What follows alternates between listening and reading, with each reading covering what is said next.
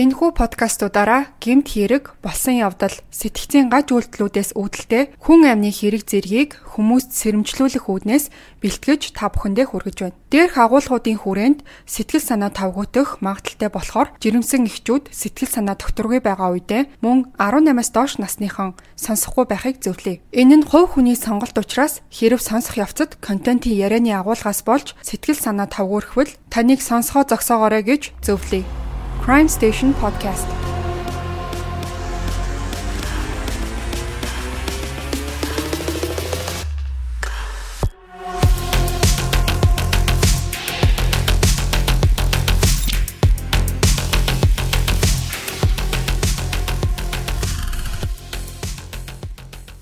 Сайн байцгаана уу сонсогчдоо мянга мянган сонсогчдийнхоо амрыг гэрэн мэдчилж байна. Энэ сарын подкастын маань сүүлийн дугаар та бүхэнд хүрэхэд бэлэн боллоо. Ойрд ер нь Азад болсон хэрэгээр нэлээд амьсгалаад байгаа. Энэ удаад ч гэсэн Япон улсын нэлээд шуугилсан тэгээд Twitter-ийн алуурчин гэхээр мэдээж одоо 2000 он гараад үлдэгдсэн тийм маш хачирхалтай ч гэмээр алуурчин болох Такахиро Шираиши гэх хүний гэмт хэргийн кейсийг ярихаар бэлдсэн байна. За өнөөдрийн дугаарыг надтай хамт Руслан хөтлийн явуулахад бит хоёр хамт сууж байна. Сайн байцгаана уу? За тэгэхээр уламжлал ёсоор хэрэг болон бусад деталуудыг бол би ярина. Тэгээд эцэст нь хоёулаа хамт ингээд дүнэлтүүдээ яриа авчи. За тэгэхээр эхлээд энэ хүний бага нас өсвөр насныхын талаар яриагаа эхлэе. Такахиро 1990 оны 10 сарын 9-нд Японы Канагава мужийн Зама гэх хотод төрсэн. Бусад хүүхдийн адил одоо маш энгийн хүүхэд насыг өнгөрүүлсэн юм байна. Ээж аав тэгээд нэг эмэгтэй дүүтэйг ингээд өрүүлэн амьдардаг бага ангид байх үед нь хамт сурч исэн хүмүүс нь бол тодорхойлохдоо сурлагадаа муу биш. Гэхдээ бүр тийм гот сайнч биш. Дунджийг баримталдаг нэлийн дууга таалтаа сургуульдаа нэх олны дундаас ялгараад байхгүй ч гэсэн өөрийн одоо хүрээллийн тийм найзуудтай байсан хүүхд юм байна. За түүнийг үзен ядаж дээрлэхдэг хүүхд ч юусоо байгаагүй. Учир нь Такахиро бол маш юм ээлдэг, зөөлөн зантай бусад хүүхдүүдтэй хамт тоглоод баяр хөөртэй бага насыг бол өнгөрүүлсэн юм байна. Хэдийгээр дундаж сурлагатай байсан ч гэсэн багш нарын хэлснээр бол тэр нэлээд хичээлдээ мэрийдэг чухал гэдгийг нь ч юу нь бол мэддэг хүүхдээсэн. А бүх хичээлээ хичээнгүүлэн хийдэг нэг ч удаа ингээ хичээлээ тасалж үзээгүй хариуцлага тал дээрээ сайн байсан маа. За энэ айдлаараа ахлах анги хүртлээ тэр явсан.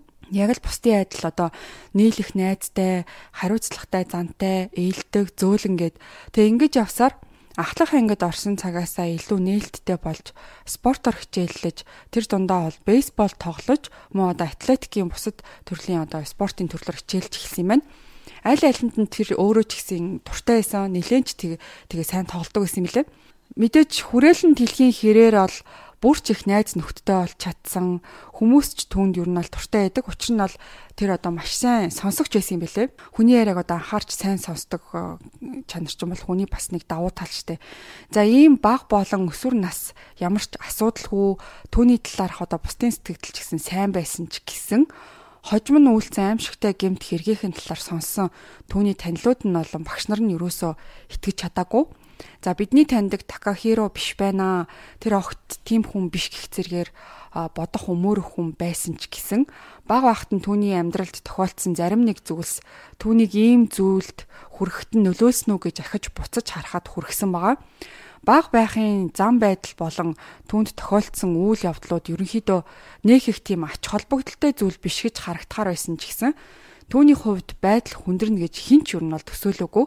Хүнтэй харьцах хандлага харилцаа хэвийн юм шиг байсан ч гэсэн тэр хэсэг найзуудтайгаа юм ярьж суужгаад таг дугаа олцдог эсвэл одоо хүмүүсийн яриаг анзаарахгүй өөр ертөнцид очсон юм шиг тийм царай нь гунигтай заримдаа юм аимшигтай ч гэмээр болчдөг. Яг дотроо одоо юу бодоод байгаа нь юу нь бол ойлгомжгүй юм шиг тэгээ ингээ орчноос тасарчдаг байсан маа. За тэгээд ахлах ангиа төгсөөд нэг найз охиндоо бол болсон юм лээ. Тэр эмэгтэй тодорхойлсноор Такахиро маш соёлтой боловсон залуу хүний ам хөнөөхөн байтугай баг ялаач алхааргүй тийм гим хоргүй хүн гэж найз охин нь болон бусад хүн ч гэсэн боддог байсан талаар хэлчихлээ. Тэгээ тэр бас ахлах ангид байхдаа хэсэг бүлэг найз нартайгаа амьсгал боогдуулж тоглолдог байсан гэж байгаа. Энэ нөө choking games гэсэн байсан. Тэгээ нэг удаа боолгуулж агаад Такахиро ухаан алдсан. А баг байхад ер нь бол ингээд хүүхдүүд хоорондоо янз бүрийн зүйлийг туршиж ингээд оролцож үздэг штэ. Тэгээ тэр үед эцэст нь бол Такахиро олон хүний одоо амийг авах цуврал алуурчин болно гэж ер нь бол хинч тааварлаагүй. Хоолойг нь боодог тоглоом тоглолдог байсан гэхийг сонсоо зарим хүмүүс магадгүй одоо эндээс л хамаг зүйл анх хэлчихсэн байна гэж ярьсан ч гэсэн яг үндэ бол хүн баг насандаа эсвэл одоо өсвөр насандаа 9 жорын зүйлээр оролдож яадим бол гэсэн тийм сониуч сэтгхүүтэй байдаг. Тэгэхээр энэ эрсдэлтэй тоглоомноос олж дараа нь одоо сэтгцэн өөрчлөгдсөн гэж хэлэх боломжгүй санагцсан. Тэгэхдээ яг энэ дээр нөгөө хүмүүс яг ийм choking games тоглож байгаа дараад нь сэтэл аваад эннээс хойш ингэ сэтгхүүн юу нөөрчлөгдсөн гэж үзэж байгаа ч гэсэн яг тэрнээс эхэлсэн гэх юу нотлохоо угаасаа байхгүй шүү дээ. Ер нь бол тэр чинь нэг хүн тоглолтгүй дандаа хоёлаа ч юм уу тэгэд бөөнөрөө байхдаа тоглолдог. Тэгэнгүүт тэр тоглолтог байсан хүмүүс нь тэгвэл алуурч энэ төр болоогүй л шүү дээ. Тэгэхээр хүн болгон choking games тоглох тоглосноор дараад нь юу гэдгийг хиний нэг гимтэй гэсэн бодол ингээл байж байгаа тэр нь сэтэрч мэтэрсэн тийм тохиолдол. Яг хөө тэр нь юм юу ээж магадгүй л дээ. Одоо хүнд ийм гаж сэтгэлгээ байгаагаа хүүхэд байхдаа мэдгүй байж болох байхгүй юу? Жишээлбэл тэр choking game нь хүнийг choke хийхдээ таалагдсан ч юм уу те. Эсвэл choke хийлгэхдээ таалагдсан ч юм уу. Хүн болгонд өөрөөр тусдаг гэж. Тийм тэр тэрнээс болоод тэр хүн сажист болох уу мазохист болох уу гэдг нь бас ингээд шийдэгдэж магадгүй л дээ. Аа. За тэгээд одоо энэ тоглоом нь болохоор Такахирогийн далд бодол сэтгцэд нь нөлөөлсөн ч энэ тухайд бол хинт ч ингээ анзаарагдаагүй. Тэгээд нууж яваад хэдэн жилийн дараа ингээд ээл гарч ирсний энэ хинт ч ингээ тааварлах угаасаа боломжгүй. А Такахирог яг ахлах ангаа төгсдөг жил нь бас нэг зүйл тохиолдсон юм байна. Тэр нь болохоор юу гэхээр ээж аваа хоёр нь салсан юм байна ээж нь эмэгтэй дүүгийг аваад гэрээсээ явж харин Такахиро аавтайгаа үлдэхээр олж тус тусдаа нэлээд тийм зайтай газар амьдрахаар болсон юм байна. За энэ цагаас хойш Такахирогийн амьдрал болон сэтгэл санааны эргэлт буцалтгүйгээр ерөнхийдөө бол дороотч эхэлсэн гэж үздэг. Ахлах сургуулаа тэр төгсөөд их сургуульд шууд элсэж ороогүй нь бас л одоо эцэг эхийн салттай ерөнхийдөө холбоотой. А тэр их сургуульд сурахгүй байхаар шийдээд оронд нь бол хаанч хамаагүй тэл сул ажил хийж эхлэхээр болсон юм байна. Эхлээд нэг хоолны үйлдвэрт ажиллаж исэн. Тэгээ дараа нь болохоор супермаркетэд ажилд ороод ерөнхийдөө ажил гэр гэж явсаар 2 жилийг ингээ ямар ч завгүй өнгөрүүлсэн юм билэ. За энэ хугацаанд аавтайгаа ингээ хоёулахнаа амьдарч исэн болохоор болж өгвөл зав чөлөөгөөрөө аавтаа туслаад ажил дээр нь хүртэл очиж одоо урдныхаасаа илүү ойр дотн байхыг хичээх болсон юм байна. Аав нь ч гэсэн энэ талыг нь анзаараад хүүгийнхээ одоо хичээж байгаа байдалд нь баярлаж хүлээж авчихсан. А ямар сандаа л одоо амралтын өдрөө оройд бол тэд хамтдаа ингээд клуб ороод хамтдаа пив шимэнгээ ингээ амьдралын тухай ярилцаж суудаг байсан болохоор би бинээ илүү ойлгоход нь ч нэмэртэй байдаг гэсэн. За тэгээд нэг өдөр энэ хоёр ярилцаж суух үеэр Такахиро аавда зэрвсгэн нэг эвгүй зүйл яриад эхэлсэн юу байсан гэхээр Такахиро яг үнэндээ бол амьд явах шалтгаан юусоо олж харахгүй байгаа талаараа хэлсэн. Амьд явах утгагүй яг юуны төлөө ингээ амьдраад байгаа нь ойлгомжгүй байгаа тухайга аавдаа ингээ ярьсан байгаа. Ямар ч зориггүй амьдралын зориг байхгүй болчлоо гэдгийг хэлсэн ба. За тэгээд сүүлд ажиллаж исэн супермаркетийнхаа ажлаас 2011 онд тэр гараад өөр ажил хийхэр алсан. За тэр ажил нь болох юм бол Кабукичо дүүрэгт байх улаан дэнлүүний гудамж буюу одоо Японд биеийн үнэлэгчдийн нэлээд тийм алдартай тооцогддог дүүрэг юм байна. За тэгээ энэ газар скаутсмен хийж эхэлсэн. За энэний бол нөгөө монгол хэллэгийн юу гэдгийг бол мэдэхгүй ямар ч скаутсмен гэж хэлт юм байлаа. Энэ нь юу гэдэг юу хийдгийг гэхээр царайлаг тийм дур булаам эмхтэйчүүдийг Кабукичо дүүрэгт байх улаан дэнлүүний газар бие үнэлэхийг ятгах тийм төрлийн ажил гэж ойлгож болох юм байна. За энэ ажлыг голцоо хувь хүн хийдэг. Тэгээд эрэгтэй хүн ингэж хийдэг юм байна ямар нэг газарт хамаарагддггүй өөрөө бүх зүйлээ зохицуулдаг гэсэн үг юм байна. За тэгээд тухайн улаан гудамд э, эмгтэйг аваачих бүртээ тодорхой ингээ хэмжээний хувь бол өөрөө авдаг. А гэхдээ ийм төрлийн ажил хийж агаад хэрвээ цагдаад баригдах юм бол шоронд суух ялтай. Энэ төрлийн ажил нь Японд бол угаасаа хууль бусад тооцогддог ч гэсэн тэл бараг нэр зүүсэн төдий хуулийн ч яг одоо ингээд үнэндээ тийм хэрэгждгүн гинэ. Такахиро яг одоо супермаркетын ажилласаа гарч ийм биеийн үнэлэгчтэй ажиллах болсон бол ямар нэг тайлбар юм уу тодорхойлт юусаа байхгүй. Тэгэд энэ дээр нэг магадлалаа байсан юу гэхээр магадгүй нөгөө супермаркетт нь илүү бага цалин өгчээсэн. Тэгэнгүүт одоо саяны улаан дэлгүүний газар гэдэг нь болохоор илүү одоо мөнгө олох боломжтой гэж бас харсан байж магадгүй. Эсвэл одоо тэр нөгөө урдны ажиллаж исэн газар дээр ямар нэг бас алдаа гаргаад халагдсан юм мэдгүй ямар ч байсан хүн хийхээс ичдэг иймэрхүү төрлийн ажлыг сонгоод тэрийг хийхэр болсон нэлээд ийм сонирн байсан. А магадгүй ингээд сэтгцийнх нь ингээ гаж бодлууд нь энэ ажилд төгтөлсөн ч байх магадaltaй гэж үздэг юм байна дотроо боддог тэр гажиг бодлуудаа магадгүй иймэрхүү газар ажилласнаар биелүүлэх боломж илүү ойртлоо гэж үтсэн байх гэх одоо бодол хүмүүс ч гэсэн олон байсан. Сүүлд тэр харин гемт хэрэгээрээ цагдаа нарт баригдахдаа би энэ бүгдийг мөнгө, секс хоёрын төлөө хийсэн өөр юуны ч төлөө биш гэж ярьж исэн юм билээ. За Кабукичо дүүрэгт скаутсмен хийж байхдаа тэр тим ч одоо сайн ажиллаж байгаагүй. Тэр одоо болж өгвөл юм сэтгэл санааны асуудалтай гүн депресд орсон эмзэг эмгтээчүүдийг төлхөө сонгодог байсан нь бусад хамтрагчд нь бол ерөөсө таалагдаагүй. Энэ байдлаараа хэцүү үйлчлүүлэгчдийг татах юм бол сүулдэ цагдаа нарын хараанд өртөөд асуудал үүсгэнэ гэж үздсэн байгаа. Тийм болохоор өөр нэг скаутсмен хийдэг залуу энэ байдлыг нь зогсоохын тулд Такахирогийн зургийг нь дараад заяа. Онлайнаар энэ залуугаас болгоомжлогээ постлцсон. Удаачгүй Такахиро цагдаа нарт баригдаад хууль бус үйлдэлтэй 14 сар шорон цух ял сонссон юм байна. За гисэн эдэж тэнсэнгээр судлагдсан. Гэхдээ судлагдсан байх үедээ ахиж гемтэргийн холбогдлолтой асуудал гарах юм бол яг хугацаагаа дуустал шорон цух тийм заалттай гэсэн үг юм байлээ. За тэгээд Scoutsman-ийнхаа ажлаа хийхээсээ өнгөрөөд 27 настай Такахиро бол эрхэлсэн ямар нэг ажилгүй мөнгө төгрөгчгүй болсон байгаа. Мэдээж сэтгэл санаа нь бол хамгийн доод зэгтээ тэрэнд одоо юу ч байхгүй болоод сэтгэлд нь ингээ хар үйл нөмрөх шиг болсон гэж ярьд юм билэ. Хийх зүйлгүй болсон хүнд бол угаасаа сошиал медиа дотрыг нь тэр чигт нь дүүргэх ганц зүйл болсон байсан. Тэгээ тэр бүх цагаа ер нь бол сошиал дээр өнгөрүүлж ялангуяа Твиттерт бол донтож эхэлсэн байгаа.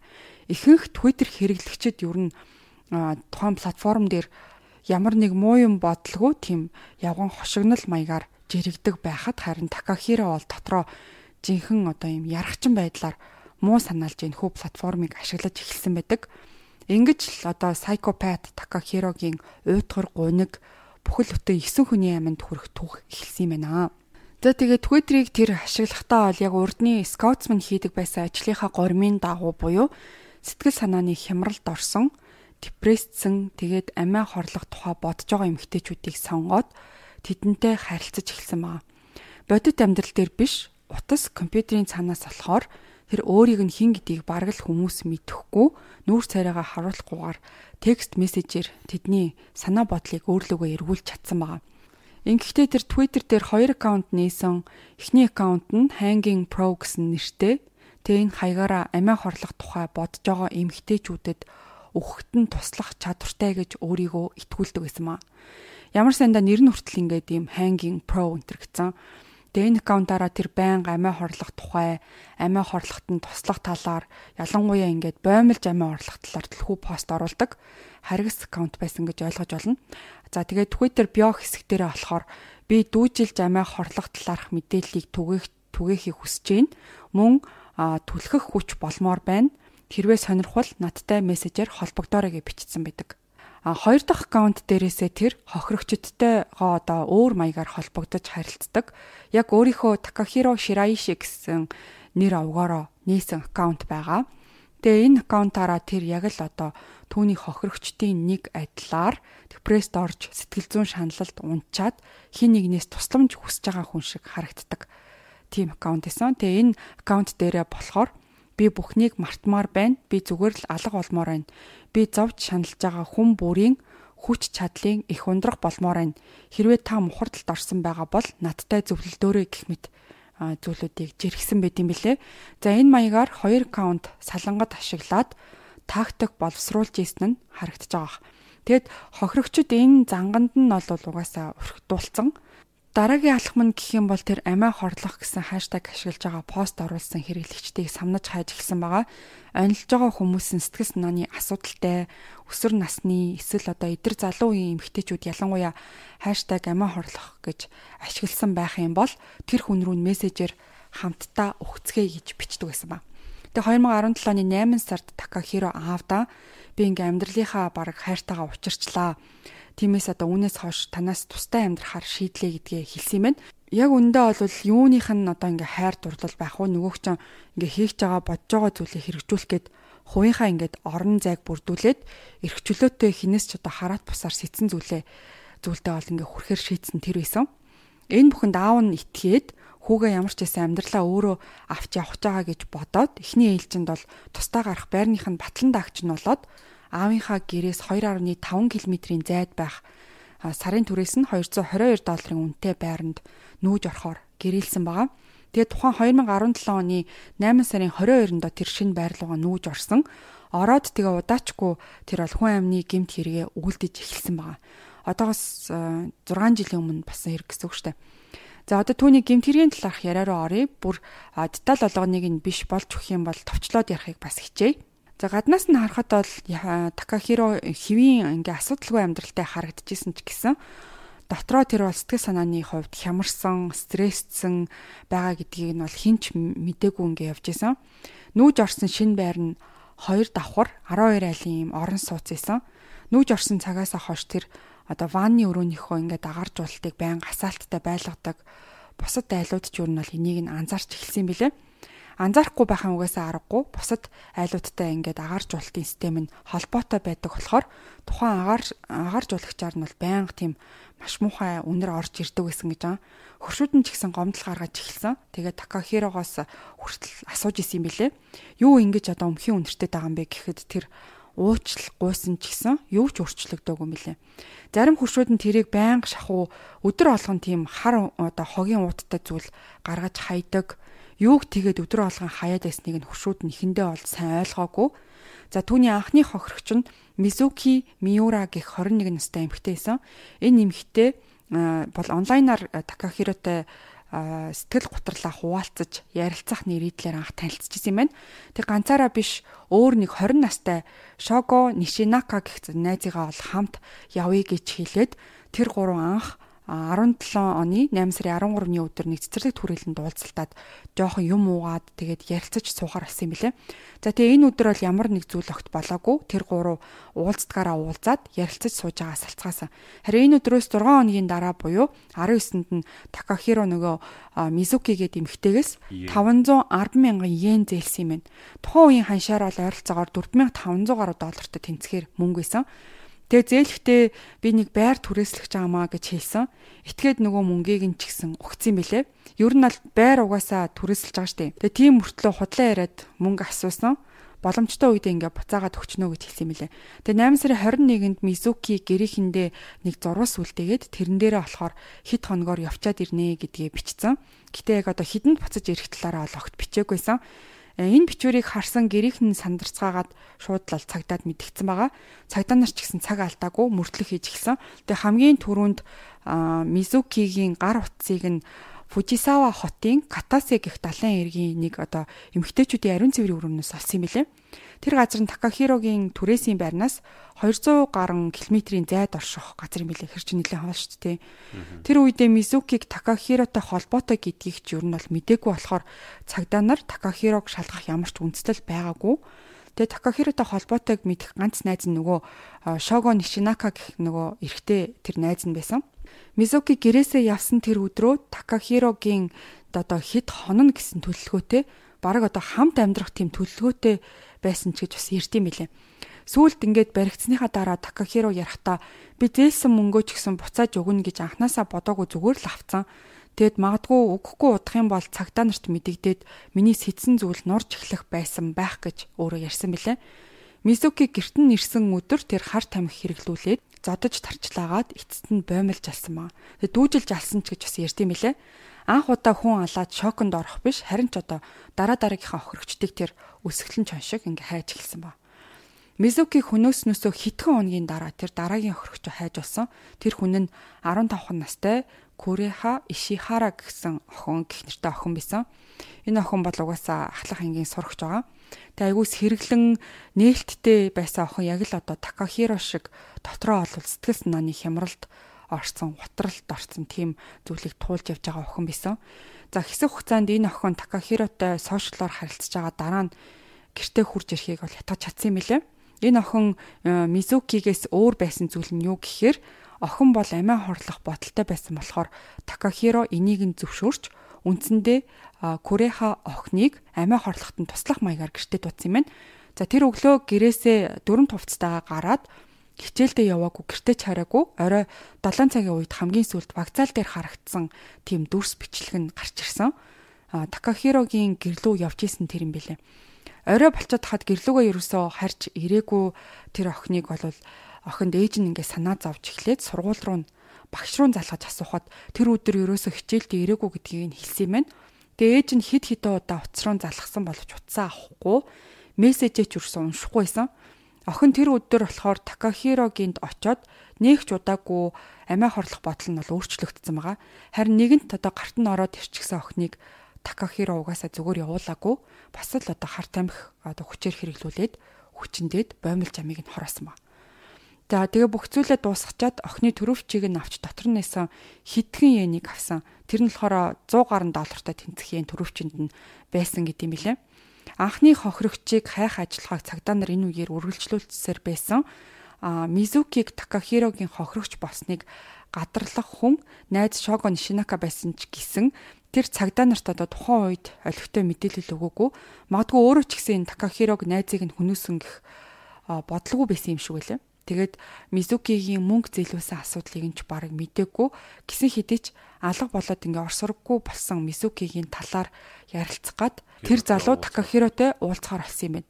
Тэг герт нь Шого Нишинака явж очингууд нь гиндүүлж хоолойг нь араас нь боож амь насыг нь хүнөөс юм билэ. Энэ эрэгтэйг алсан шалтгаан нь бусад хохирогчдоос ерөнхийдөө өөр түүний гарт амиа алдсан 9 хохирогчд дундаас ганц эрэгтэй байсан нь бол энэ Шого Нишинака гэд эрэгтэй байсан. Дараагийн хохирогч нь 19 настай Хинако Сарашина гэх эмэгтэйсэн. Түүнийг одоо алхаасаа өмнө хүчнээд одоо бусад хүмүүсийн л адил боомлж алаад төрөвчөнд нэсэн мөнгийг нь авсан. А харин дараагийнх нь болохоор 26 настай Хитоми Фужима Такахиротой уулзсан өдөр өөр нэг найзтайгаа уг нь уулзгаа ярьсан байсан юм билэ. Тэгээ тэр найзтай дараа уулзъя Twitter дээр танилцсан нэг эрэгтэйтэй уулзахаар очлоо гэж хэлсэн байгаа. Орой гэртээ хараагүй Хитоми Фужимагийн гэрийнхэн нь цагтаад дуудлага өгсөн. Харин энэ эмэгтэй оцсон өдрөл Такахирогийн гарт бусад одоо хөрөгчдийн адил амиа алдсан, хүчинцэн, боосон мөнгийг нь авсан. Тэгээ дараагийн хохирогчоо онилоход олон хоногч юу нь бол шаардаагүй. Хоёрхан сарын хугацаанд ингэж их одоо улан гасаж хэдхэн хоногийн зайтай эсвэ хүний аминд хүрсэн гэхээр Хэрвээ одоо тухайн үед нь л зогсож чадаагүй бол тоон хид хүрхийг ч юу нь бол тааж хэлэх боломжгүй байсан. Дараагийнх нь 17 настай Нацуми Кубо гэх эмэгтэй байгаа. Сургуулиас нь гэрлүүн залгаж хичээлдээ ирээгүй талаар гэрээхэнд нь хэлснээр түүний алга болсон мэдээллийг цагдаа нар мэдэж авсан байгаа. Утасных нь GPS-ээр хайхад нэг газрыг зааж исэн нь бол Такахирогийн гэрийн ойр орчмыг зааж исэн тэр байсан юм лээ. За гисэн хэдий ч яг тэр гээд шууд очоод бариад авах сэжигтэн тухайн үед бол хинч ингээд гадарлахгүй байгаа штэ. Тэгээ Такахиро гэх хүнийг сэжиглэе гэсэн ч нотлох байрамд хараахан олоогүй байсан болохоор шууд явд очоод ингээд барьчаагүй. 17 оны 9 сарын 27-нд 17 настай Акари Суда гэх охин бас түүний хохирогч болсон байгаа. Бас л одоо хичээлдээ яваагүй алга болсон. Ангийнх нь Акари охиныг хичээлдээ ирээгүй тэгээд ч ангийнхаа ингээ групп чатаас гарчихсан байсныг нь бол гэрээхэнд нь хэлсэн мэлээ. Цагдаа нар алга болсон Акари охиныг бас л одоо гар утасных нь байршлаар хайж үзэхэд урдны Нацуми Куба охин алга болох үед харж исэн газар нь яг бас тэр утас нь ингээ зааж исэн. Тэгээ Акари суда охиныг бас л хүчиндэж бомилж амийг нь хүнөөсөн билээ. 25 настай Казуми Маруяма дараагийнх нь охирогч болсон. Тэр нэг дэлгүүрт ажилдаг. За энэ нэмэгтээ мөн л сэтгэл гутралд орчихсон. Энэ байдлаа ижил төрлийн сэтгэл гутралтай хүнтэй хуваалцах хуваалцах гэж явж агаад ингээд Такахиротэй танилцж исэн юм. Тэгээ урдных шиг тэр алгаа үүлцэн ингэж ойр орхон хүний аим хүнээс нь Такахиро сүулдэ бараг л одоо хүн алах гэдэг нь юм өдөр тутмын рутин шиг бүр бараг ингээ гаршсан байн хийдэг зүйл нь болцсон юм шиг Твиттерээсээ хүмүүс рүү хамт үхий гэж бичээл хохирогч олоод сайхан ингээ найрсаг харилцаж гэртээ урьж авчираад алдаг байсан маа. За ингээ 9 дэх хохирогч буюу хамгийн сүүлийн хохирогч нь 23 настай Айко Тамура гэх эмэгтэй байгаа. 10 сарын 21-ний оройноос хойш Орос сургуу алга болсон. Айкогийн амьдрал нилээн тийм таагүй зүйлсээр араасаа тохиолдож сэтгэл готролд орсон байсан нь Такахирогийн урхинд өртөх нэг шалтгаан болчихсон юм билээ. Ээж нь бол нас барснаас хойш тэр бол сэтгэл санааны гүн хямралд орж хэдий одоо мэрэгжлийн сэтгэл зүйчтэй уулзсан ч гэсэн энэ бүхэн нь дээртгүй явсаар агаад сошиал дээрх одоо нэлээд их цаг хугацааг зарцуулж өөртөөгөө ингээд адилхан сэтгэл готролд орсон байгаа хүмүүстэй ярилцаж мэдрэмжээ хуваалцаж эхлэх болсон юм байна. Такахиро ч гэсэн сэтгэл санаа нь эмзэг болцсон Айко эмхтэйтэй хэд хоног хэдэн зуун мессежээр хоорондоо харилцаж эцэст нь бол гэрлүүгээ дуудаж тэд уулзалтахаар болсон юм байна. Айко амиа хорлож бүх зүйлийг дуусгамаар байгаа талаараа Такахирод ярьсан. Ингээд энэ бүхэнд нь тослаад хамт өвхий гих нэрийдлэр урхиндаа оруулж чадсан юм билээ. Айко гэхдээ явхаасаа өмнө супервайзер болон ахта болвол нэг хүнтэй танилцсан юм аа. Тэрнтэй уулзахаар явлаа гэдгээ хэлсэн юм байна. Яг гэхдээ яг нарийн деталь яриаггүй ч гэсэн оройдо буцаад ирнэ гэж бодсон ч Айко бол буцаж гэрте очиагүй. Айко Такахирогийн гэрт нь очиод нэх удаагүй амийг нь хөнөөж а яг үндэ Айко өөхөх өөхөх гэж биш ер нь бол харин цаг гаргаад сэтгэл гутралынхаа талаар хамт ярилцах хүн тэрэнд хэрэгтэй байсан. Айко гэхлээд цохиж унгаагаад дараа нь хоолойг нь баймилж эхлэхэд буцаж ингээ эсэргүүцэл үзүүлээд нилээн ноцолцсон юм билэ. Эмгтэй гэхдээ хүч угаасаа хүрээгүй. Тэгээд Такахирогийн хохирогч бас болсон юм байна. Гэртээ хараагүй Айкогийн талаар цагдаа нарт ах нь бол хэлсэн. Цагдаа нар Айко охины явсан газруудыг CCTV-гийн тусламжтайар харахыг бол хичээсэн байгаа. Айко Хачиожи өртөөн дээр галт тэргэнд сууж байгаа дүрс бичлэг тэд бол олж харсан юм лээ. Мөн тэр ганцаараа биш өөр нэг эрэгтэйтэй хамт явж байгаа бичлэг олсон нь хожим тэд бол Такахиро гэж таних бичлэг байсан юм лээ. Дүрстээр Такахирогийн царай нь тод харагддггүй. Тийм болохоор хэнийг сэжлэхээ чи ер нь бол мэдэхгүй байсан. Яг нь CCTV-гийн бичлэгээр бол Такахирог угаасаа бариагүй. Түүнийг барьж авсан мэдээлэл нь нилээдгүй тийм драматик сонирхолтой байгаа. За Айко ахта нөгөө сошиалар танилцсан нэг хүнтэй уулзна гэдгийг ахта хэлсэн гэж хэлсэн штеп. Тэгэж хэлээд алга болсон болохоор ах нь дүүдэн чухам юу тохиолдсон талаар мэдхийн тулд хаанаас сэжүүр хайж эхлэх талаараач мэдчихсэн. За тэгээ дүүгийнхаа Twitter руу нь хактаж ороод хинтээ юу бичснийг нь харсан дунд болвол Такахиротой бичсэн маш их текстүүд байсан. А нилээ их мессежүүдийг нь устгахчихсан байсан ч гэсэн дүү нь бол Такахиротой уулзах гад явсан гэдгийг нь а ер нь бол ийм ойлгох хэмжээний ойлгомжтой мессежүүд дунд нь зөндөө байсан гэдэг. За тэгээ ах нь эхлээд Айкогийн нэг эмхтэй найзтай нь холбогдоод тэр найзыг нэг хуурамч аккаунт нэгээд Такахиро руу мессеж бичээд ингээ холбогдоод үзээтгэжээ гэж гуйсан ба. Тэг хэлснийх нь дагуу бол Такахиро ч нөгөө найзтай нь холбогдоод амархан тэд утраа ингээ олцсон. Мэдээж бусад хүмүүсийн адил Такахирогийн гертэн тэд уулзалтахаар болсон. Айкогийн ах нь цагдаа руу залгаад дүүгийнх нь алга болсон явдал сэжиглэжсэн залуутай уулзалтах гэж байгаа талаараа одоо ингээ төлөлгөөний хот талаар бүгдийг нь хэлсэн мэлээ. Ашгүй энэ айдлыг нь бол цагдаагийнхан хүлээж аваад хамт тэд бол Такахирогийн гэрлүүн явхаар хэлсэн юм. Ингээд явж очиод хаалгыг нь тогшоод а тэр Такахиро хаалгаа нээсэн даруйда бүх зүйл оройтсон гэдгийг шууд мэдэж авсан байгаа. Айког хаана байгаа талаар тэд асуухад Такахиро нэгэнт баригдчихсан болохоор ямар нэг эсэргүүцэл үзүүлэлгүй зүгээр л хөргөгчөнд байгаа гэж хэлж өгсөн байгаа. За орж ирсэн цагдаагийн ажилчид бол маш аимшигтай зүйлийн гэрч болцгоосон гурван ширхэг хөргүүрийн машин дотор бараг битүү шахуу ингээ чихцэн хүний одоо зэрэмдэглсэн биеийн хэсгүүдийг багтаагаад чихээд ингээ хийцэн байсан. Толгой, гар, хөл гээд тус тусад нь тастаад хийцэн. Үүнээс гадна таван хайрцаг дотор хүмүүсийн биеийн хэсгүүдийг хийгээд нөгөөх нь ингээд ялцраад ихэнх биеийн хэсгүүд нь хэсгүүдийг ингээд яснаас нь ялгах маягаар янзалсан байсан гэж байгаа.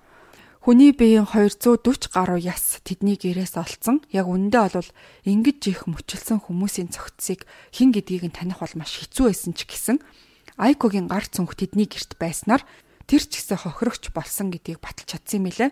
Мэдээж хожим нь бол DNA тест бас давхар хийгдсэн байгаа. Такахирогийн байцаалт нэг ч их юм сүртэй хэцүү бол байгаагүй. Тэр ямар ч одоо эргэлзээгүйгээр цагдаа нарт өөрийн хийсэн хэргийн бүх деталийг нэг бүрчлэн ярьж яаж алсан гэдгээ ч нуугаагүй. Тэр амиа хорлох хүсэлтэй байгаа хүмүүсийг Twitter дээр онилж тэр хүмүүсийг гэртээ дуудаж авчираад өөхөт нь тусалсан гэж ярьсан байна. За үүнээс гадна хохирогчд яг алуулах үеэрээ бодлоо өөрчилж Өхлийг биш амьд үлдэхийг сонгодог байсан талаар нь Такахиро цагдаа нарт хэлсэн. Тэгэд амьд үлдэх гэж тэмцэлдэж байхад нь яагаад тэднийг алсын гэж асуухад би секс мөнгө хоёрын төлөө тэдний амийг цааш харуулсан. Өөр ямар ч шалтгаан байхгүй гэж хариулж ирсэн мөлий. Мэдүүлэг авч явах үеэр тэр мушилзаж ингэж нээжсэн нь яг өндөө олвол хүний биеийг мөчлөх ажил айгүй хэцүү байлээ гэж хэлсэн. Бас хохирогчдын биеийг хайж устгах зүйл түүний хувьд баг одоо хүн алхаас нь хэцүү байсан ухааны зүйл ярьсан юм билэ. Баг багаар нь одоо хогийн утанд хийгээд өдөр болгон гаргаж хайдаг хамгийн ихний хохирогчийн биеийг мөчлөхөд бүтэн 3 хоног шаардсан. Тэрнээс хойш ингээд баг багаар учрыг нь олоод эхэлсэн гэж өөрөө ярьсан юм билэ. Мэдүүлгийн үеэр л Такахирогийн этгээд сонирн байдлыг цагдаа нар бол ажигласан, ажиглаад ингээ олж харсан. Өөрийгөө баригдаад цагдаа нар одоо гэрт нь очих үед баг ингээ шоконд орсон хийсэн эргийнхээ бүх нотлох баримтыг устгаж амжин тэгээд ч одоо ингээд дараагийн хохирогч болох хүн олон байна гэж бодож исэн ч гэсэн цагдаа нарт баригдсан болохоор ингээд өөрийнх нь хувьд айгу шок байсан гэж байгаа байхгүй. За хэдийгээр зөвхөн биеийг нь устгаад ботлох баримтгүй болчихно гэж бодож исэн ч гэсэн бас яг ийм ийм смарт юм уу гэхээр смарт биш заяо. Хохирогчдын цүнх хувцас ингээ бусад ингээ идэл хэрэглэлийг тэр нуух санаа юусоо огт байгаагүй билэ. Тэгээ энэ бүхэн ч ихсэн охирогчтой гэрт нь байсан гэх баталгаа болно ч гэж бодох юм сөхөө байгаагүй. За одоо ингээд Такахирогийн шүүх хурлын талаар нь ярив. Такахирогийн үйлцэн хэрэг сошиал даяар тарж хүмүүсийн ингээд сонорт хүрсний дараачаас олон нийт мэдээж маш их цочирдож хүлээж авсан. Улс даяараа гэмтгэргийн деталь мэдээллийг ам уралтай ярилцаж энийгээ дагаад иргэдээс олон ч ингээд асуултууд ургаж гарч ирсэн байгаа. Ялангуяа ингээд Twitter компани хин нэгний ёс зүйгүй үйлдэлт бас хариуцлага өрөх ёстой. Тодорхой ингээд агуулга бүхий постуудыг хяналтгүй байлгасны улмаас энэ хэрэг дээр олон ч хохирогч гарч ирлээ гэх зүйлийг бол тэргэд ингэж гаргаж ирсэн юм билээ. Тухайн үед бол Twitter-ийн гүйцэтгэх захирлаар ажиллаж исэн Jack Dorsey гэх хүн амь насаа алдсан хохирогчдын гэр бүлд гүн эмгэнэл илэрхийлээд Twitter дээр амиа хорлох тухай жиргсэн пост бүрийг автоматар устгадаг болгох саналтай байгаагаа ч дурдсан юм билээ. За Японы хууль заасны дагуу хохирогчдын нэр болон бусад мэдээллийг тэр чигт нь нууцлах ёстой байдаг ч гэсэн үндэсний хэвлэл мэдээллийн хэрэгслэр хохирогчдын хэрхэн амиа алдсан деталь бүр цаашлаад царай нас хүүсийг нь хүртэл бүгдийг нь дийлгээд 8 эмэгтэй нэг эрэгтэй хүн алсан гэдгийг нь нийтээрээ мэдэж авсан юм билээ. Харамсалтай нь ингэж дэлгсэн явдал нь хохирогчдын ар гэрээхэнд бүрч илүү хүнд тусч гэр бүлийн хүний алдаад дээрэс нь бол нэмээд олдны хил ам хов живэгч тойрч биш дайрч гарах шаардлагатай болсон байгаа. Тэгээ ядчихад бол дайран дээр давсгэж хүмүүс хов жив дундаа буруу мэдээлэл цацаад эхэлсэн билээ. Такахиро хохирогчдыг алаад мөчлөөд иддэг байсан гэж яриад эхэлсэн. Бүр л одоо байтлыг ингээд хэцүү болгож исэн яг одоо Джеффри Дамер шиг ингээд хохирчтой алаад иддэг гэх яриа худлаа гэж дарагдах хүртэл бүх хүний сэтгэлийг бол маш их ингээд эмзэглүүлсэн байгаа. Такахирогийн шүүх хурал олны одоо уур бухимдлыг бартал ингэж удаан үргэлжилсэн гэт юм билээ. Хэдийгээр Такахиро бүх хэрэгээ хүлээгээд мөрдлөгийн одоо багийнханд бүх зүйлсийг нэг бүрчлэн яриад хэргийг хурдан нэг тийш шийдэх байх гэж бодсон ч гэсэн сансныг бодвол маш ээдрээтэй зунгаарлцсан шүүх хурал болсон гэж үздэг. За хамгийн түрүүн бол Такахирог сэтгцийн хувьд хийсэн хэрэгээ өөрөө ойлгоод хүлээн зөвшөөрөх, цаашлаад өөртөө одоо ногдож байгаа ялын одоо ойлгох чадвартай байна уу гэдгийг шалгах хэрэгтэй болсон. Мэдээж тэр бол сэтгцийн хувьд хуулийн заалтыг ойлгох болон хүлээж авах чадвартай болохоор шүүх хурал эхлэхээр болсон юм билээ.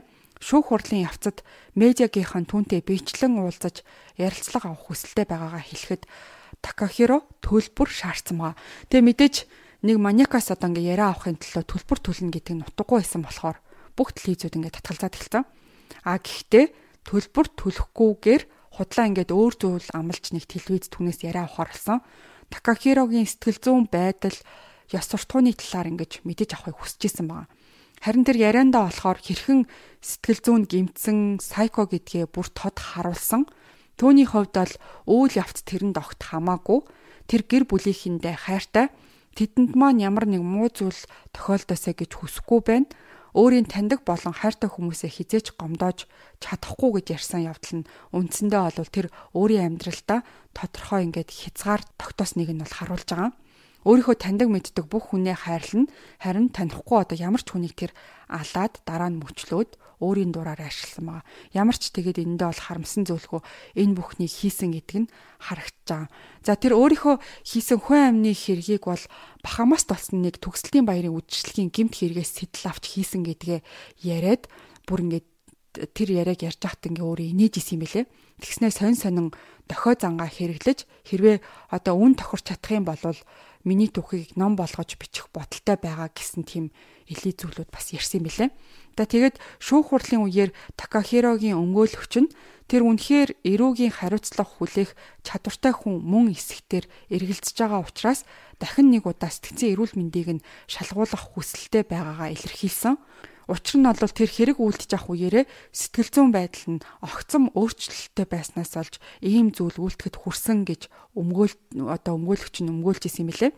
Шүүгч энэ саналыг нь бол эсэргүүцээд Такахиро сэтгцийн хувьд хэрэг ухамсарлах чадвартай байна гэж үзэж байгаагаа хэлсэн. За бас дээрэс нь яг миний одоо бодож ирсэнчлэн өмгөөлөгч нь бол ингэсэн маа. Манай үйлчлүүлэгч амиа хорлохыг хүссэн хүмүүст тусалсан. Тэр хүмүүс ч өөртөө зөвшөөрсөн Тийм болохоор гэрт нь очиж ийм зүйлс ар араасаа болж өрнсөөн гэж ярьсан баг. Тэгээ хоолойг нь баймалж алж байх үеэр хохирогчд өгөхгүй тулд тэмцэлдэжсэн гих зүйлсийг ярихад бол угаасаа хүн баймлуулж ам насаа аалтахад дүүжлэгдчихсэн ч гэсэн ингээд өөрөө өөрийнхөө амийг хорлож исэн ч гэсэн рефлексээрээ амиа аврах гэж ингээд оролддог гэсэн тайлбарыг өмгөөлөгч нь нэмж хэлсэн байгаа. За ингэж өмгөөлөгч нь байдаг чадлаараа бол өмгөөлсөн чинь Такахиро өөрөө энэ бүгдийг өгөөсгээд яг үндэ бол тэд нэр өөрсдөө ингээд эцсийн эцэд бол өгөхийг хүсээгүй маа гэж хэлсэн маа. Тэгээ үүнээс гадна Такахирогийн цагдаад өгсөн мэдүүлэг дээрч тэр түүний хохирогч болсон бүх хүн өөхөх бодлого тийм төлөлгөөтэй Такахиротой уулзаагүй гэдгийг өөрөө бас ярьсан юм билэ. За ингээд шүүх шийдвэрээ гаргаад Такахиро Шираи шиг хэсэн хүний одоо хүн амны хэрэгт буруутай гэдгийг нь маргаангүй нотлолт чадсан учраас цаазын ялыг түнд оноос юм байна. За энэ шийдвэрт бол Такахиро огтхонч сэтгэлээр унаагүй юм билээ. Би гин бурууга 50-наар хүлээн зөвшөөрч чинь humbly admit my guilt гэсэн байгаа аахгүй юу. Тэгэхээр ингээд одоо юу гэдэг 50-наар зөөлнөөр ингээд би шийтгэлээ хүлээн авч гинэ гэсэн утгаар хэлсэн маа. Тэгээ зохих ёсны шийтгэлээч хүлээн зөвшөөрч гин гэж өөрөө хэлсэн юм байна. За тэгээ дээр нь хохирогчдын гэр бүлээс уучлалт гуйцсан чим шиг дарамжилж байгаа чим шиг зүйл хийсэн нь юу исэн гэхээр тэднийг маш амархан цааш нь харуулсандаа та нараас уучлалт хүсэж гин гэж хэлсэн маа. Ингээд уучлал гэхэд хитүү зүйл хэлснийхээ дараа бүх эсэн хүний амиа алдсан явдалт гин буруутайгаа хүлээн зөвшөөрөөд шүүхийн эцсийн шийдвэрт дахиж өөрөө олвол давж заалтахгүй гэдгээ нэмж хэлсэн юм байна. Ингэж л 2020 оны 12 сард түүний шүүх хурал дууссан юм байна. Одоо бас яг 3 жилийн өмнө шүүх хурал нь дууссан байгаа байхгүй.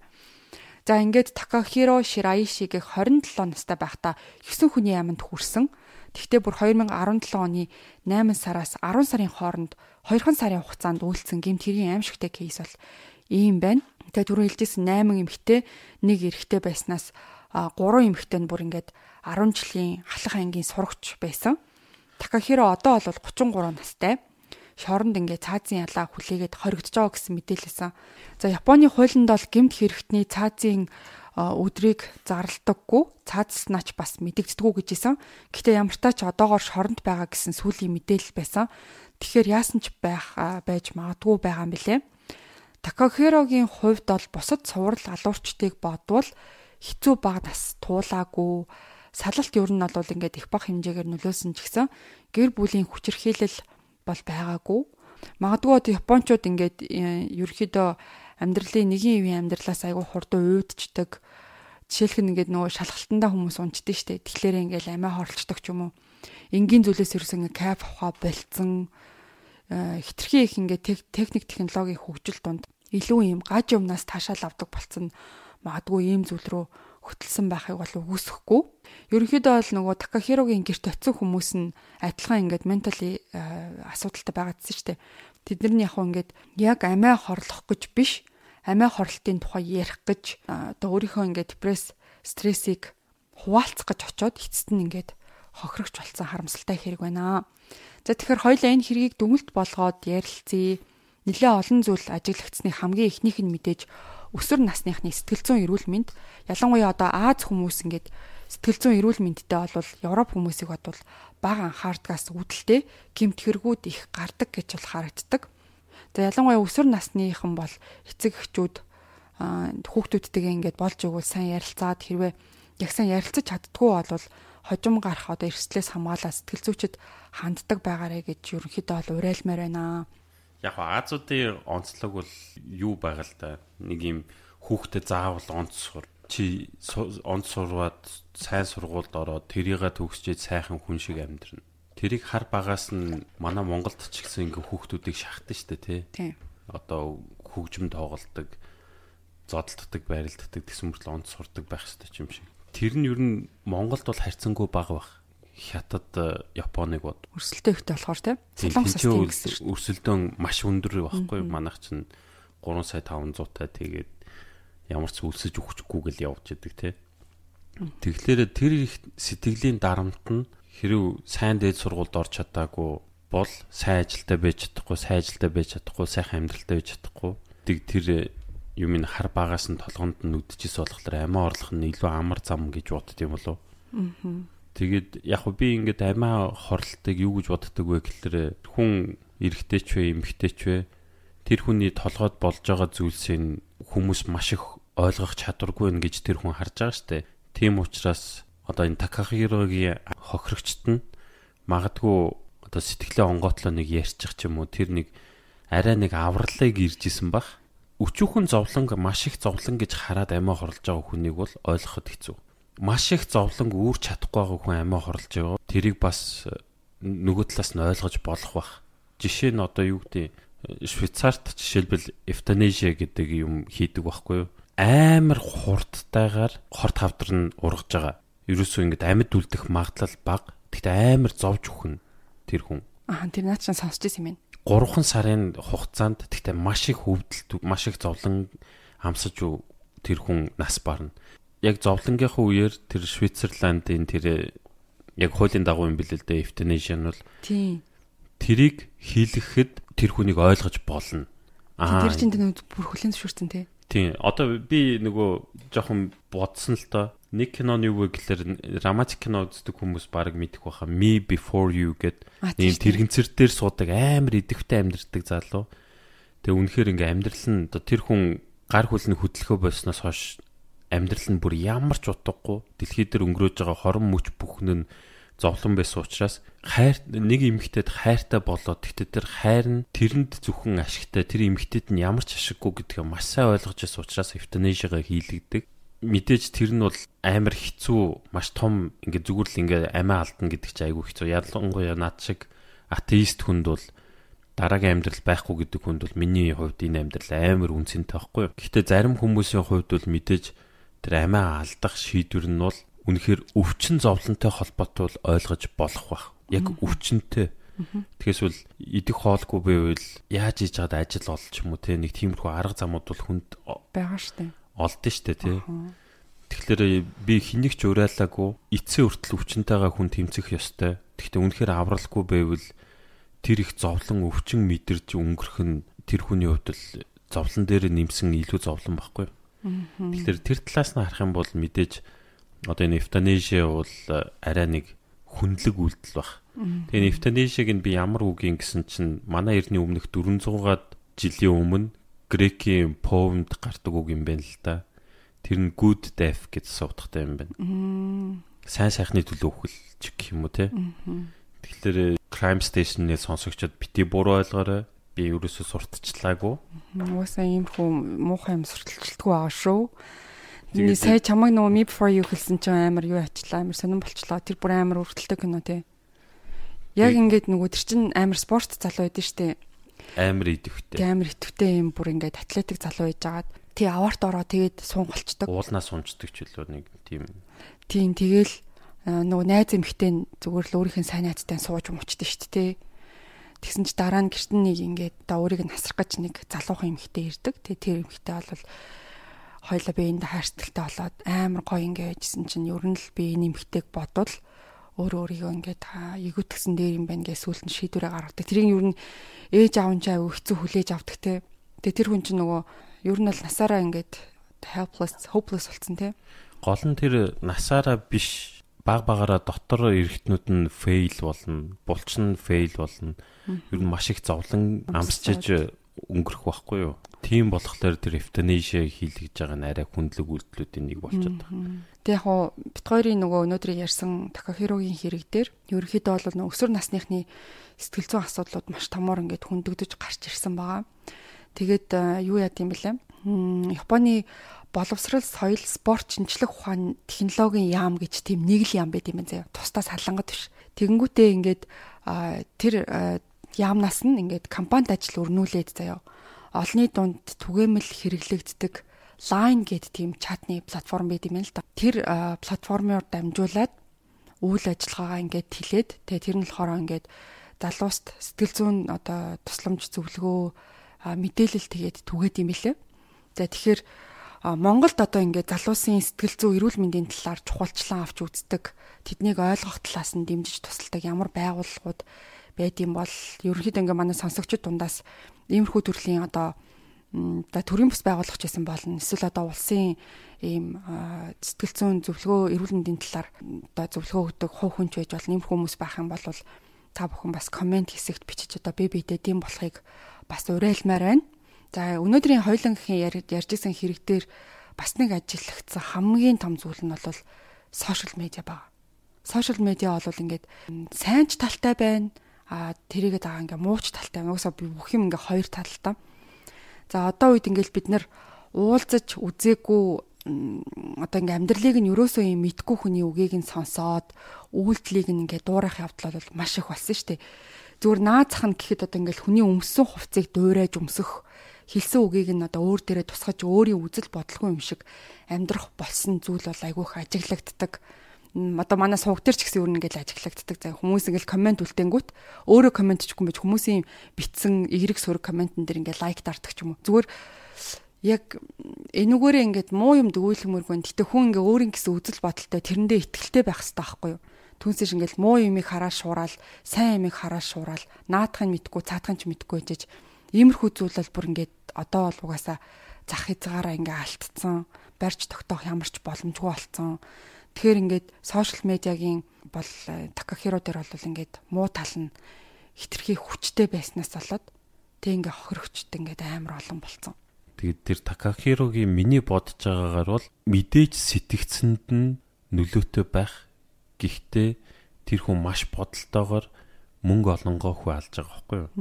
Одоо өөрийнхөө хувьд бол win win Тийм тэгээд нөгөө бас юун дээр бичтэнсэн докюментари дээр нь яг ингээд э, зарим одоо ингээд сурал алуурч чадчих амар юм смарт эдэн штэ бүх юмыг төлөвлөгөөний дагуу энэ төр хийж мэдэг. Тэгэнгүүт тэр хэмжээний TED бандыг бас дурдсан. Гэтэ ер нь бол хүн болгоныг алуурчин болгоныг TED бандитай бас э, харьцуулахын цаашийн тэр TED бандыг ч юм айгу нөгөө дундчаас дээгүр төвшний IQ энтертэй хүн бисэн штэ. Тэгээ тэр болгоныг TED бандитай харьцуулахын цаашийн гэтэ энэ дээр бас тэгсээс TED бандыг бодвол бараг тэнэг гэвчдээсэн. Нөгөө нэг үнэн баг. Тий нөгөө нотлох баримтаа устгахгүй зүгээр л ингээд алдсан л бол алаад ингээ хэсэгчлэл гаргачих юм бол үлдсэн нь юу ч болохгүй гэж тэрийг ч юу ерөөсө бодоагүй байгаа байхгүй юу. Нэг өдөр э, ясын бүх юм ачиж явна гэж бодсон юм уу яасан мэдгүй. Тэр зэ ягаад ер нь бол зарим нь аа тэд нүнэр гарахгүй хөрөгчөнд хийгдсэн шүү дээ. Тэгэл баг багаар л авч гараадсан байхгүй тий ямар ч шүүх хурал дээр ч тэр э, ер нь бол ямар ч тийм эргэлдсэн юм ерөөсөө өртөнд байгаагүй. Юун дээр ч өөрийнхөө төлөө үг дуураагүй. Тэгэл яг нөгөө э, мэдээж бас ингээл цуврал алуурчдын түүхийг сонсч байсан мэдтгэл байсан юм байгааз ямар сайндаа нөгөө юу яагаад байгаа зү. Миний талаар ингээд ном бичих юм бол үнэ тохирчвол ном бичиж шүү энэ гэсэн байгаа зү. Тэгэхээр бас нэг юу гэдгийг мөнгө л олох бас нөгөөх нь арга байгаа байхгүй. Тэгээ эцсийн дүндээ бол угаасаа хүчинтдгүү хүчинтдэг тэгэнгүүтээ мөнгө бол амар ингээм амьдралд нь чухалсан байгаа байхгүй. Тэгээ ер нь бол яг уу Японд ч ингээд өртөг өндөр амьдралын зардал айгүй ихтэй. Тэгээ одоо Японд ч ихэнх одоо эцэг эхчүүд хүүхдээ 18 хүрэнгүүт нь гэрээс нь ингээ гаргачдээ шүү дээ. За чи одоо ингээ өөрөө амьдраа гэд. А тэгэнгүүтийн Такахирог болохоор 27 нас хүртэл наав нь хажууд хамт байсан. Тэгээ ингээ тустаа гарыг гэхдээ за овоо одоо овоо штэ минийхөө одоо л ингээд амьдралаа авч яваад одоо л жинхэнэ алхан дээ гэсэн чинь жинхэнэ алдсан байгаа байхгүй баг хүн алаа явцсан. Яг юу л да тустай гарах нь их буруу зүйл биш байх л та. Зүгээр гол асуудал нь юу вэ гэхээр энэ хүнд аав нь бол анхаарал бол хангалттай хандуулахыг хичээсэн л бах л та. Анхаарлыг хандуулах тэгээд тэр хүнийг ойлгох гэдэг хоёр бол маш том ялгаатай баг. Яг хүүхдээ хүмүүжүүлж байгаа хүмүүс хүүхдийн төлөө гэж бодож маш их буруу үйлдэл хийдэг. Одоо яг уу эрх чөлөөтэй байх ёстой гэдэг нь зарим тал дээр буруу ч юм уу те. Зарим тал дээр хитрхи хатуу хандах ч юм уу. Тэр нь зөвхөн бидний хувьд зөв шүү гэдгийг бид нэр ойлгох юм бол бид нэр хүүхдээ ойлгоход илүү дөхөн болно. Тэр хүн яагаад чимээгүй вэ? Гол нь энэ Такахиро алсандаа биш тэр хүмүүс амиа хорлыг гэсэн санаа нь өөртөлж явж гин гэдг нь миний хувьд асуудал гэж харагдаад байна л да. Тэгэхээр гол тэр 9 хүнийхэн нэг нь бол мэдээж найзыгаа хайж байгаад амиа алдсан. Бусад 8 нь бол амьдралын яг үнэхээр ойлгож байгаа ч юм уу. Одоо ямар шалтгаанууд байсныг мэдэхгүй. Гэхдээ тэр шалтгаанууд нь газар дээр амьдрах нь тамаас амар байсан бол амиа хорлоо гэдэг бодол төрсэн байгаа шүү дээ, тий. Тэгэхээр хүмүүс дууга болсон, гинт өөрчлөгдсөн магадгүй сайн найз нартаа гэр бүлийнхэндээ илүү их анхаарал хандуулаад тэр хүнийг сонсох хэрэгтэй юм болов хүмүүс юу н ярихлаар айгүй стресс нь тайлагддаг штэ. Тийм. Тэгэхээр айгүй сайн ярилцах ёстой. Аа. Эмхтэй хүн эрэгтэй хүн гэлтгүү ирчүүд ч гэсэн уйлмаар байвал уйлаад ярилцах хэрэгтэй хүмүүстэй. Тийм. Тэгэд энэ дээр чинь нөгөө юу яасан байгаа зү? Энэ Такахиро яагаад ингээ хүмүүсийн нөгөө одоо э, итгэлийг айгу хурдаа олж чадаад байдаг гэхэлэр Такахиро ч өөр айгу сайн сонсогч байхгүй юу? Тэрийг нь ч гэсэн нөгөө ангийнхнаас хэлсэн байсан. Хүний яриаг амар ингэж сонсоод тэрийг нь ойлгоод тэ тэгж хүлээж авдаг болохоор хүмүүс айгу дуртай байсан байгаа байхгүй. Тэгээ ямар сайндаа хэлчихсэн чинь ер нь ингээл Япон хүмүүс чинь бидний мэдих японочууд бол ингээл амар соёлтой байдаг чинь ер нь Монголд ирсэн японочууд ч гэсэн энэ тийм таарлцсан японочууд гэсэн ингээл амар соёлтой бараг л хажуугаар бараг л хүчтэйхэн шиг зүрүүл бараг л уучлаарай гэж гэл ер нь ийм соёл нь ингээд амар дэнтцэн тийм хүмүүс шүү дээ.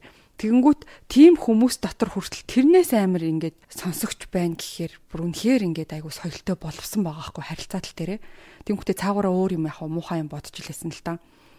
Тэгээ ямар санда хоёлынгийнх нь ярьжсэн шиг ингээд сэтгэл зүй болоод сошиал медиа бол энэ дээр хамгийн ингээд том дүгнэлт болж гарч ирж байгаа гэсэн штеп. Тэг хүн ер нь өөрөө ингэ сэтгэл зүгөө удирдах чиглүүлж авч явж сурахгүй байх юм бол сэтгэл зүүн ингээ эргээгээд хүнийг удирдаад чиглүүлээд буруу алхам хийхт нь ингээд хүргээд идэг.